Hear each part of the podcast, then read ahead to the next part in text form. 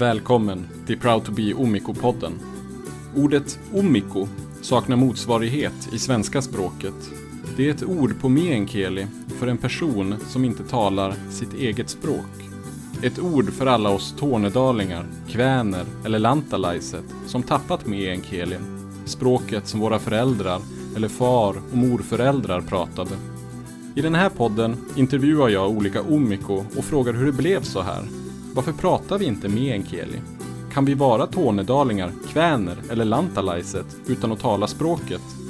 Och vad väntar för minoritetskulturen efter den stora försvenskningen av Norrbotten? Mitt namn är Daniel Fjällborg. Välkommen till Proud to be Omiko. Dagens Omiko är tornedaling och mest känd som musiker och sångerska i popgruppen The Magnets. Men hon var också med vid uppstarten av ungdomsförbundet Metnoret i Svenska Tornedalingars riksförbund. Uppvuxen i Pajala, men boende i Luleå med hela världen som turnéområde. Välkommen Rebecka Digervall. Tack. Kul att du vill vara med i podden. Ja, kul att du hörde av dig. Ska vi prata lite grann om meänkieli och din bakgrund i relation Mm. till det. Hur, eh, brukar börja med en fråga om hur mycket meänkieli kan du? Oj, det är eh, ganska begränsat. Eh, det är en intressant grej för att man, mina föräldrar pratar ju, kan ju prata meänkieli. Min pappa jobbar, liksom han jobbar med radio, där var han bara pratar meänkieli i princip. Och, eh, och sådär, så det är ju ett, ett språk man har hört hela sitt liv, men alltid liksom varit på sidan av och inte riktigt varit med i eller förstått på det sättet. Men, men melodierna och liksom uttalet och allt det där är ju som är så bekant. Så att Mm. man kan som, jag kan som förstå eh, grunden av ett samtal. så här. Okej, de pratar om det här. Sen är det de här små nyanserna och, och sånt där som är, som är lite svårare. Men, Mm. eh, och ibland får man bara gissa sig fram. Men det, det är alltså inte så att jag skulle tordas bara bryta ut i megel helt plötsligt. Utan det är just också när man har föräldrar som kan det. Så, så är man lite så här... Mm. Blir det "Oh, svårare då? törs man, Ja men man, man törs typ inte bara freebasea och bara åh, testa sig fram. Ja. Utan då vill man kunna det. Liksom. Hur var det, du är uppvuxen i Pajala som sagt. eh, Mm. Var det mycket meänkieli runt om i stan på Pajala när du växte upp eller hur var det? Eh, alltså inte bland mina kompisar, mina jämnåriga. Då, då, eh, då pratades det inte mycket meänkieli. Vi hade ju det i skolan och sånt där under mellanstadiet och högstadiet. Och då var man ju lite så här... Äh, ja men det var lite, man blev lite anti det för att man kände bara, ja men de här kidsen i, i Stockholm behöver inte lära sig det här. Nu måste vi gå, gå på det här för man förstod liksom inte värdet i det. Sen, äh, sen så har ju alltid min, min pappa spelar i band också och eh, jag har alltid varit ett fan av min far så musikaliskt så att jag har ju suttit med och kollat konserter och sen teatrar och mycket kultur som har haft liksom meänkieli i sig. Och även fast man inte har förstått så har man ändå suttit i, ja men på Folkets hus, kollat en revy och skämten är på meänkieli och man märker man liksom alla skrattar och man dras med i det typ. Mm. Så att Förstår du punchlinen i skämtet? Ja, det, det har varit så sällan man har förstått, men det är som en... Jag vet inte, det finns någon trygghet och någon stämning där som man bara... Alltså, ja, tonen i det är som också, ja, det är som också en del av punchlinen på något sätt. Ja. När är du född? Eh, 93. 93. Mm. Eh, Så mycket meänkieli runt omkring när du, när du växte upp. Vad betyder det här språket för dig då?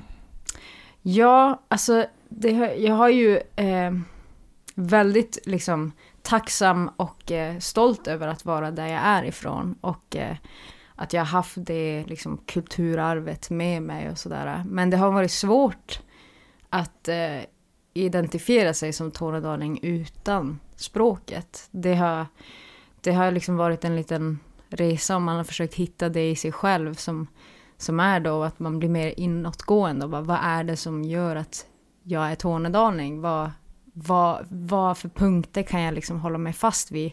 För språket är ju så konkret, då har man ju det. Och det är liksom så här, ja men det där har, ju- har vi som inte alla andra har. Eh, så för mig har det verkligen varit det har varit en sorg att man inte har haft med det, liksom, Mm. på det sättet. Hur, hur upplever du det då? Du är inne på att det kan vara svårt att på något sätt vara tornedaling utan, utan språket. Mm, Ehm, men ändå så är det ju väldigt vanligt i våran generation mm, och även bland ännu yngre. ja. Ehm, hur, hur är det att vara omiko på det sättet? Mm. Nej men det, alltså det, när vi, jag var med på den här uppstarten av ungdomsförbundet med Metnåret. Så var det ju verkligen, där var det, blev det ju som, vi var, jag tror vi var typ två dagar tillsammans och bara diskuterade och pratade och just om sådana frågor. Att man, det blev ett litet identitetssökande, i alla fall för, för mig som inte hade språket. Så eh, fick man liksom gå in och bara, vad är det som, var, vars kommer den här värmen ifrån? Vad är det som jag eh, liksom dras till och vad är det som jag eh, romantiserar från där jag kommer ifrån och min kultur? Och då är det ju verkligen det. Det är ju musiken, det är liksom sättet att vara på, det är tonen i punchline och eh, ja, men kulturen. Det är väl det som jag kan säga är, är det som jag har fäst mig vid. Och sen samtidigt också när man rör sig ut i världen. Så jag och Sanna Kalla då, som också är från Pajala som spelar i The Magnets. Vi har ju som känt att så här, ja men vi passar inte in kanske överallt. Det är inte alla eh, rum, och så är det ju såklart för alla, men att man märker vilka rum man känner sig bekväm i och vilken slags humor man känner sig liksom varm i kläderna i och ett sätt att vara och ett sätt att socialisera som jag tror också har med vart vi kommer ifrån att göra. Liksom. Du tänker när ni hittar eh, platser som matchar eran så här, lite tornedalska mentalitet så trivs ni? Ja men exakt, att också att det är, ja men speciellt i musikbranschen att man ska vara så jävla så här cutthroat och gå med armbågarna utåt och liksom eh, prata högt om sig själv och liksom så här sälja in sig själv. Det har som varit en svår grej för oss utan vi har Mm. mer som hållit oss på vårt lilla hörn och, och sen liksom jobbat upp för att, för att vi ska få platsa typ. Ja. Eh, vilket också tror en, en sån grej att man inte... Man tänk- tror inte att man är någonting desto liksom så, utan man får jobba för det istället. ja. Men du tänker att det är, kopplat bakåt kanske mot Pajala och Tornedalen på något sätt? Då? Ja, alltså det är svårt att säga, det är kanske bara en småstadsgrej. Men, men det har på något sätt, sätt, just när man, när man kommer hem till Tornedalen så, så är det som, man kan tycka att det är så skönt att man inte behöver liksom fundera på de grejerna, utan man är som, man kan bara slappna av. Mm. Men när du då är tornedaling nu utan språket, Mm. hur gör du för att känna någon slags, du sa att du var, kanske lite identitetssökande Ja. tidigare. Hur hittar du identiteten då? Har du några knep att dela med dig av? Oj, vad svårt. När känner du dig riktigt tornedalsk, om man kan vara det? Ja. Nej men alltså det är ju ofta att, att eh, ja men eh, så mycket är ju kopplat till naturen också. och Vara hos mommo och de liksom eh, hur man eh, upplever årstiderna och sådana grejer också. Och, och ja men just det där, det sättet man socialiserar och, och kultur och musik och, och teater och sådana kreativa uttrycksformer som är liksom det är det. För det är svårt att säga något liksom konkret. Mm. Men, men eh, ja. Du nämnde det här med att socialisera. Mm, Och det tycker jag dyker upp lite grann då och då när jag pratar med olika människor. ja. Att, man, så här, att man är hemma hos ja, men någon från den äldre generationen, mommo eller moffa Mm. eller farmor och faffa, någon äldre släkting och så träffar man mycket släkt. Mm. Är det, är det någonting som är specifikt för, för dig också då i, i Tornedalen? Att hänga runt med familjen eller? Ja, jo men det är ju, alltså när jag åker upp till Pajala så är det ju typ det jag gör. Alltså Ja. jag, jag har inte så många kompisar som bor kvar. Mm. Så att det är ju, jag umgås med mina föräldrar och min mommo, Ja. typ. Skulle jag gjort en riktigt, vad ska man säga, tornedalsk introduktion kanske jag skulle ha frågat, jaha, vems flicka är du då? ja, exakt. exakt. Det känns som att det är ofta så folk frågar. Digervall. Ja, Digervall. Ja. Vem är du släkt med? Ja, exakt. Det känns som att då, då kan man börja positionera sig in på något sätt. Ja, men precis, verkligen. Och så börjar folk att begripa vad de kan förvänta sig av en. Ja, det kanske är ett speciellt drag, jag vet inte. Jag Ja. har upplevt det själv i alla fall. Ja, jo verkligen. Hur kommer det sig då att du inte pratar meänkieli, tror du? Har du funderat på det? Jag har försökt förhöra mina föräldrar om det här men får som aldrig ett, ett rakt och tydligt svar eh, från dem. För det är ju något slags, alltså sådär, det kommer ju från att de kanske har känt att, att de inte, att jag inte behöver språket och att det inte kanske är någonting som de behöver lära ut. Och det är ju inte bara mina föräldrar utan det är ju typ, ja men min generations föräldrar, mycket, inte alla då såklart, men men en, en sån generell bild av att säga, men det här språket behövs inte. Och det har ju kommit från någonting som är att säga, ja men försvenskningen och liksom hela den, den biten att språket var inte tillåtet på många sätt och det var ja men ett arv av skam och skuld liksom. Som har gjort att idag så, så har mina föräldrar och mina kompisars föräldrar gjort ett val att säga, men det, det klarar hon sig utan. Typ. Hur har det påverkat dig då att inte prata språket? Ja men som jag sa tidigare att det har varit en sorg. Alltså att det känns som att det är något man har gått miste om lite grann. Och jag sätter inte den skulden på mina föräldrar. jag, jag, jag skyller inte, inte på dem för den, den grejen utan det, ja, det alltså så här, Jag tänker också på när, om, när min mommo blir jätte, jättegammal så kanske hon bara väljer att prata det språket. Liksom. Och kommer jag kunna kommunicera med henne då och ja, men, verkligen förstå den här, ja men som vi pratade om tidigare med punchlinen och liksom den nyanserna i språket har man ju liksom inte. Och det, det kan kännas som att man inte är med på riktigt, liksom, Mm. på många sätt. Du nämner relationen där till din mormor då som Mm. eh, kanske, kanske kommer påverkas men också till en viss del idag också påverkas eh, av att du inte kan språket. Mm. Eh, Hur påverkar det några andra relationer att du inte kan meänkieli? Mm, ja, alltså inte i mitt... eh, Det är svårt att säga. Jag kanske hade haft helt andra relationer om jag hade kunnat språket. Det vet man ju liksom inte. Eh, men inte just i mitt vardagliga liv så att det, att det påverkar. Men sen när man har... Alltså jag har jobbat inom vården i Pajala och sånt där. Och där är det ju verkligen, märker man att så här, där förekommer språk. Typ de flesta som jobbar också kan språket. Och och, och efter jag hade jobbat där så kände man ju så här, fan jag måste ta upp det här, jag måste lära mig. Mm. Alltså det känns som, det, det är så viktigt. På.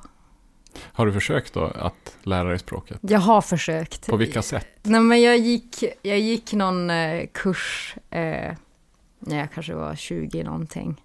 Och märkte också hur svårt det är att lära sig ett, ett nytt språk. Eh, och så här, även fast det, det, det är någonting som har varit med en hela livet så är det just de här små reglerna och att det, man, man vill liksom göra det rätt direkt.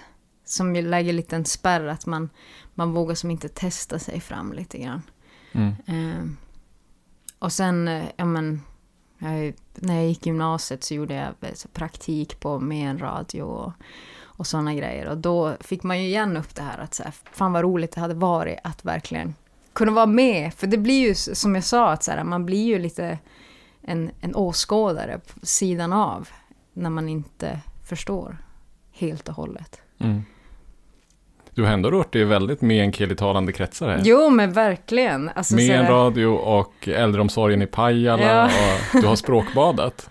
Jo, jo det, skulle man, det skulle man verkligen kunna säga. Och eh, ja, men vi har ju också så här, ja, men, speciellt när jag och Sanna började spela utanför Pajala och sånt där och började röra oss ut och kanske flytta från Pajala och sånt där, att man kände att ja, men vi vill som vi är så himla tacksamma och stolta över vars vi är ifrån och vill ta med oss det i vårt musikaliska uttryck också. Så vi har ju lånat in liksom fraser på meänkieli och lagt in det i låtar och sådana saker. Och översatt, eh, eller tolkat finska melodier och sådana grejer för att på något sätt bära sig med den biten. Mm. Vi ska prata lite mer om Magnets, eller The Magnets också Mm. lite längre fram och lyssna på en låt också i slutet förhoppningsvis här Ja. podden. Men du nämnde det här med att eh, både du och Sanna nu har flyttat från Tornedalen. Mm. Hur är det då att flytta, flytta från så att säga kärnområdet för meänkieli? När du nu Ja. har pratat eller haft eh, språket runt omkring dig naturligt i Pajala. Mm. Men det kanske du inte har i Luleå. Eller Nej. hur är det? Det, det har jag inte. Och så märker man ju om man går på typ Coop eller någonting och så hör man någon som, som pratar eh, med en GL eller som har den dialekten. Då bara åh, snälla, kan du inte se mig? Kan vi inte prata? liksom att man blir, ja men, man blir som varm av det. Ja, Man tänker på hemma. Men det är ju absolut inte, även fast det finns väldigt mycket tornedalingar i Luleå så, så är det inte alls lika mycket förekommande. Så. ja. Jag kan känna igen det där. Mm. Jag reagerar mycket mer när jag hör någon gå runt och prata meänkieli i Luleå än när jag är i Kiruna. I Ja. Kiruna känns det som att ja, men folk går ju runt och pratar meänkieli. Ja, Speciellt exakt. äldre på stan. Mm. Hör jag någon i Luleå, då är det så här, går radarn igång bara pip, pip, pip. Ja. Hör jag att det är någon i närheten här som, Exakt. som Bara, pratar. Jag hoppas, kan du se att jag också är en av, liksom, vi är samma. Vi är, Ja. jag kommer också därifrån. Du, får, du får börja säga det till folk helt enkelt. Mm. Ja men exakt. Det kanske skulle uppskattas till och med. Ja. Hej, Ge, ge lite positivt tänkande. ja, jag är från Pajala. Vill du prata? Ta en kaffe.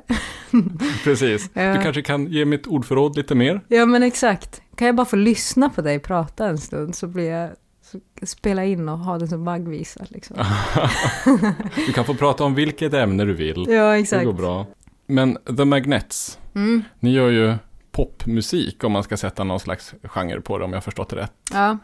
Ehm, även om du gärna får specificera exakt vilken typ av pop det är. Men eh, har ni påverkats då? Ni är båda från Pajala. Mm. Har ni tagit med er någonting tornedalskt eller med, från meänkielin in i musikskapandet? Ja, alltså vi, vi har ju vi har lånat med lite så här, ja men fraser och det, det vi liksom kan. Eh, försökt liksom applicera in det och sen alltid haft något så här att det vore jävligt skoj att göra en hel låt på meänkieli och sådär. Eh, men också ett, ett eh, uttryck tror jag. Det finns ju mycket i, vi, vi gjorde till exempel en låt som heter Pajala State of Mind som var, där vars versmelodin är lånat från en låt som heter Ranta Koivon alla. Och det är en sån här låt som alla så här dragspelsgrupper i, i Tornedalen har spelat säkert någon gång. Och det finns en fin, en fin vemodighet i den, det melodispråket och det förknippar jag väldigt mycket med, med Tornedalen. Att det, det finns något kargt och något ganska så här, ja men vemodigt i det. Och det, det tror jag att vi också har fått med oss eh, i vårt skapande på något sätt. Mm. Ni är ute och turnerar ganska mycket med The Magnets. Innan pandemin i alla fall så Ja, det. hade, var vi ute och svängde väldigt mycket. Hur, är, när ni är då ute i världen och svänger Mm. runt, kommer Tornedalen på tal då? Väldigt ofta. Alltså, vi, vi, eh, när vi introducerar oss vars vi än, om vi spelar i Berlin eller om vi spelar i, i mm, USA eller i Asien så är det liksom, förklarar vi alltid vart vi kommer ifrån och att det är ett, ett litet, litet eh, ställe ovanför liksom the Arctic Circle. Eh, och eh, ja men också om vi, om vi spelar till exempel låten Palace of Mind så, så går vi så mer in på vad, va den, ursprunget från den låten och varför den är liksom med i. Så att det kommer alltid på tal. Väldigt ofta.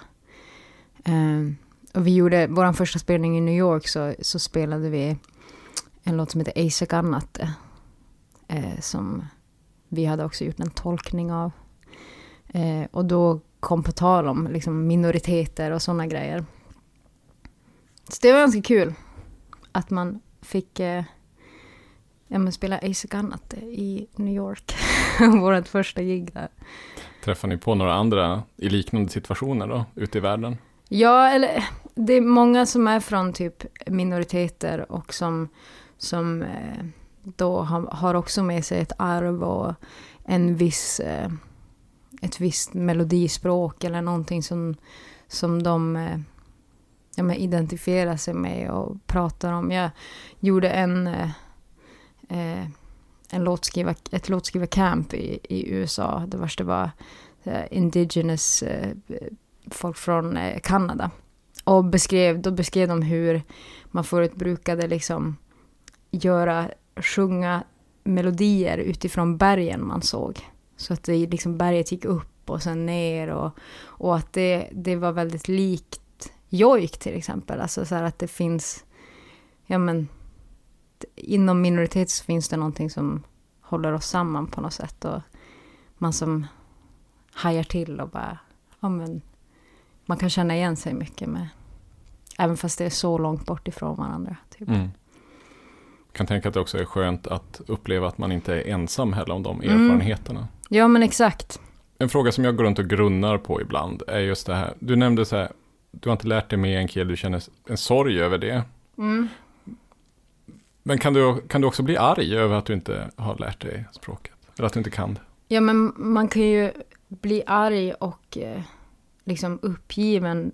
Men man, när man tänker på det arvet som finns med språket, när man pratar om skam och skuld och det som liksom mina mor och farföräldrar har fått liksom utstå med att det är inte okej okay att prata språket och det är någonting man, som är fult och förbjudet. Att, att, eh, att de har blivit utsatta för det och liksom min generation är ju som resultatet av den processen. Eh, och det kan göra en arg. Och tyck, alltså man tycker att det, det är jävligt sorgligt mm. och tråkigt och var hade vi varit annars? Då kanske man inte hade haft den här identitetskrisen och liksom, ja. Jo, för det, du nämner ju att eh, du är inte arg på dina föräldrar på det sättet. Nej. Och det återkommer bland väldigt många som jag pratar med i den här podden. Att man lägger liksom inte skulden så mycket på sina föräldrar till exempel, som mm. har pratat språket men inte lärt vidare. Eh, men man upplever den här sorgen på olika sätt att inte ha språket mm. med sig. Jag tycker att det är jäkligt svårt att jag inte riktigt vet vem jag ska vara arg på. Ja, det finns liksom ingen så här, jag kan inte peka på någon och bara säga, det, det här är ditt fel. Mm. För det är inte mina föräldrars fel heller, de pratar ju också med en kille. Ja. Men då, det är en större samhällelig trend på något sätt att Ja men exakt. Nästan alla i vår generation har inte lärt sig språket. Mm det kan jag bli lite sådär. Jag kan känna en viss eh, handfallenhet för att jag inte riktigt vet vad jag ska göra då. Vem ska jag vara arg på? Ja, man har ingenstans att rikta den, den, eh, den känslan på något ja, sätt. Ja, exakt. Och det är ju också så här, eh, mina föräldrar har ju också ett, ett fått språket utifrån det arvet. Liksom. Eh, och sen, så att de har ju inte på något sätt gjort ett helt liksom, objektivt val. Att såhär, nej, det här ska vi inte liksom föra vidare till våra barn eller så. Alltså, det är ju ofta så det är. Att de, de inte gör det för att vara taskiga. Liksom. Nej, det har också nämnts tidigare i den här podden. Många gjorde, säger att man har gjort det av omtanke för sina barn. Mm. För att man inte ska behöva kämpa med tvåspråkighet. Och ja. som du också är inne på, att vad ska vi ha med en Kelin till i framtiden? Mm. Är den värd ja. att föra vidare? Mm. Jag tror nog inte heller som du säger att det har varit något stormöte. Nej. Folk har satt ner foten och sagt Rebecka hon ska inte lära sig ja, meänkieli. Det tar stopp här. ja, exakt. Men eh, angående framtiden då. Mm. Vad tror du personligen för dig i relation till den här identiteten, minoritetsidentiteten och minoritetsspråket. Men också för oss som grupp då? Hur ser framtiden ut? Har du någonting att, om du tittar in i framtiden, vad ser du? Ja, eh,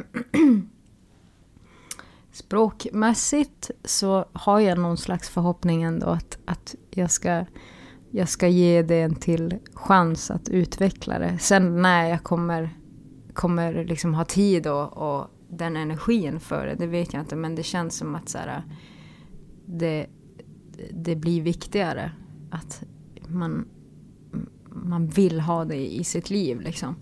Men det känns också som att så här, jag tror att eh, mer kids nu pratar meänkieli så för att deras föräldrar har kanske gått igenom den här processen som, eller känt det som vi har känt och sen velat då föra vidare till sina barn, sett värdet i det och, och känt att säga, vi vill inte att det ska försvinna, vi vill att våra barn ska kunna bära med sig det här.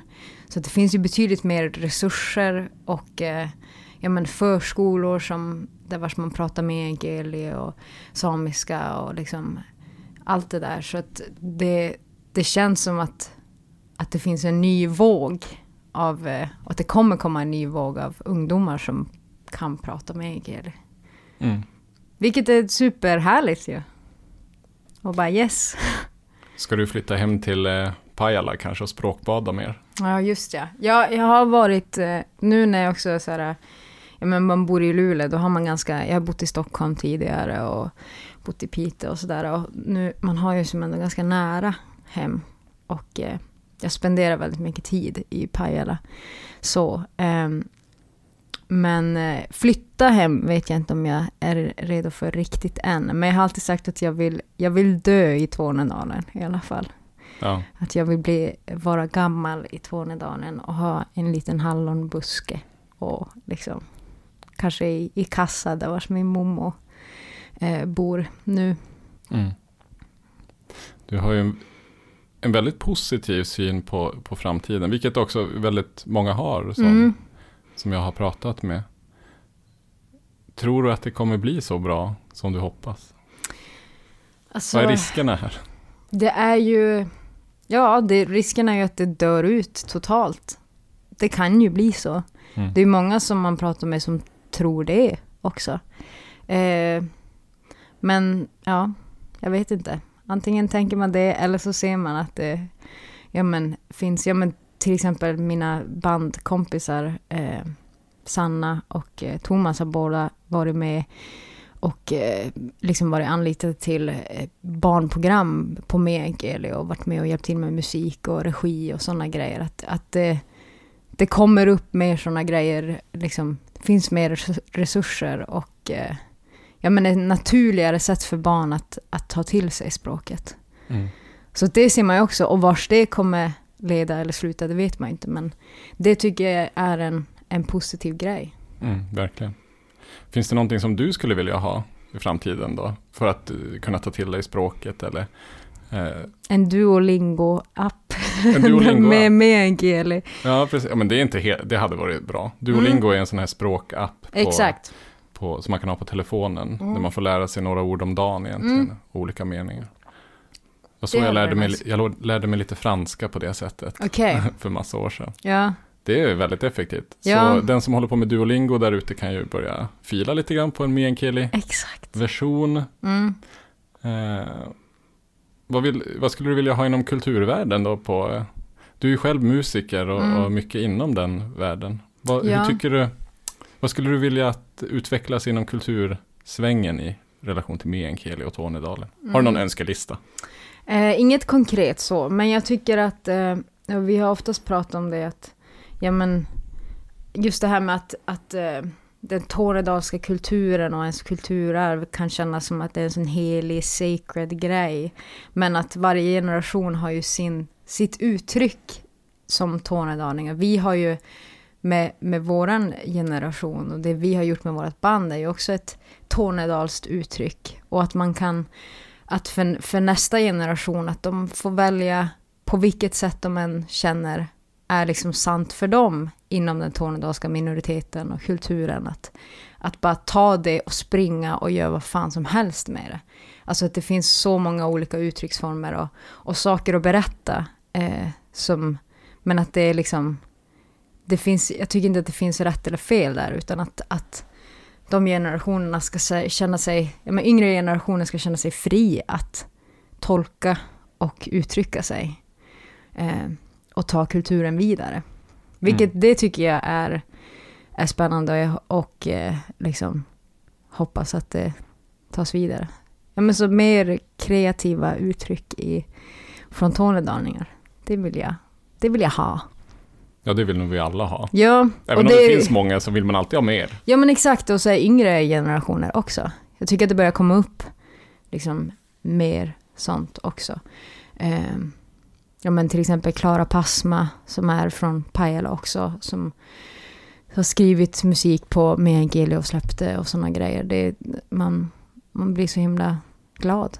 Mm. Det är så kul. Pajala har ju varit också en, ett väldigt så här, men det har funnits mycket kultur, mycket musik, teatrar, liksom folk åkte från andra byar, folk åkte från Överkalix för att komma till Pajala för att det hände någonting där till exempel. Alltså att det, det, det är fint om, om det fortfarande kommer liksom, musikaliska och kreativa uttryck därifrån.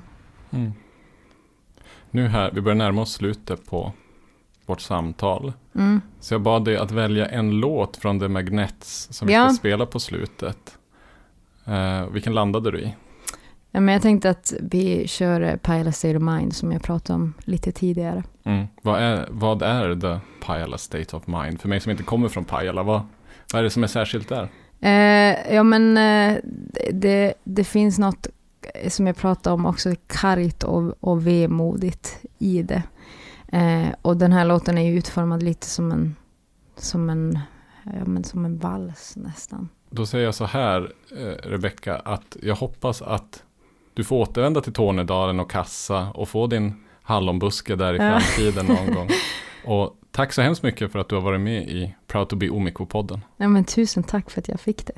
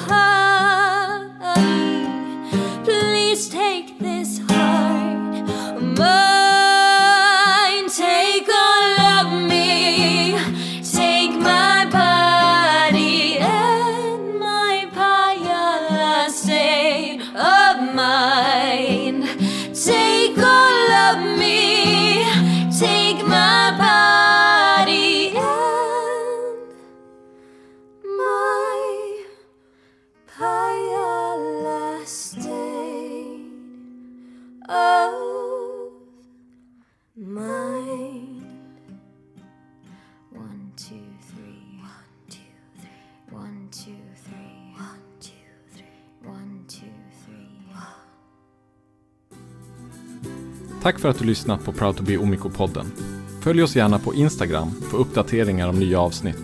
Eller besök vår hemsida, www.omiko.se. Proud to be Omiko gjordes med stöd av Svenska Kväner Lantalaiset, en dotterförening till Svenska Tornedalingars riksförbund, Tornion Laxon Laiset. Musiken ni hör i bakgrunden är Vi är också här, Olen Däle med Gammal. Teknisk support och design gjordes av Martin Lindvik. Mitt namn är Daniel Fjellborg. Så rösten av det glömda folket vinden stämmorna bär Genom dal över fjäll så ropar vi att vi är också här Holland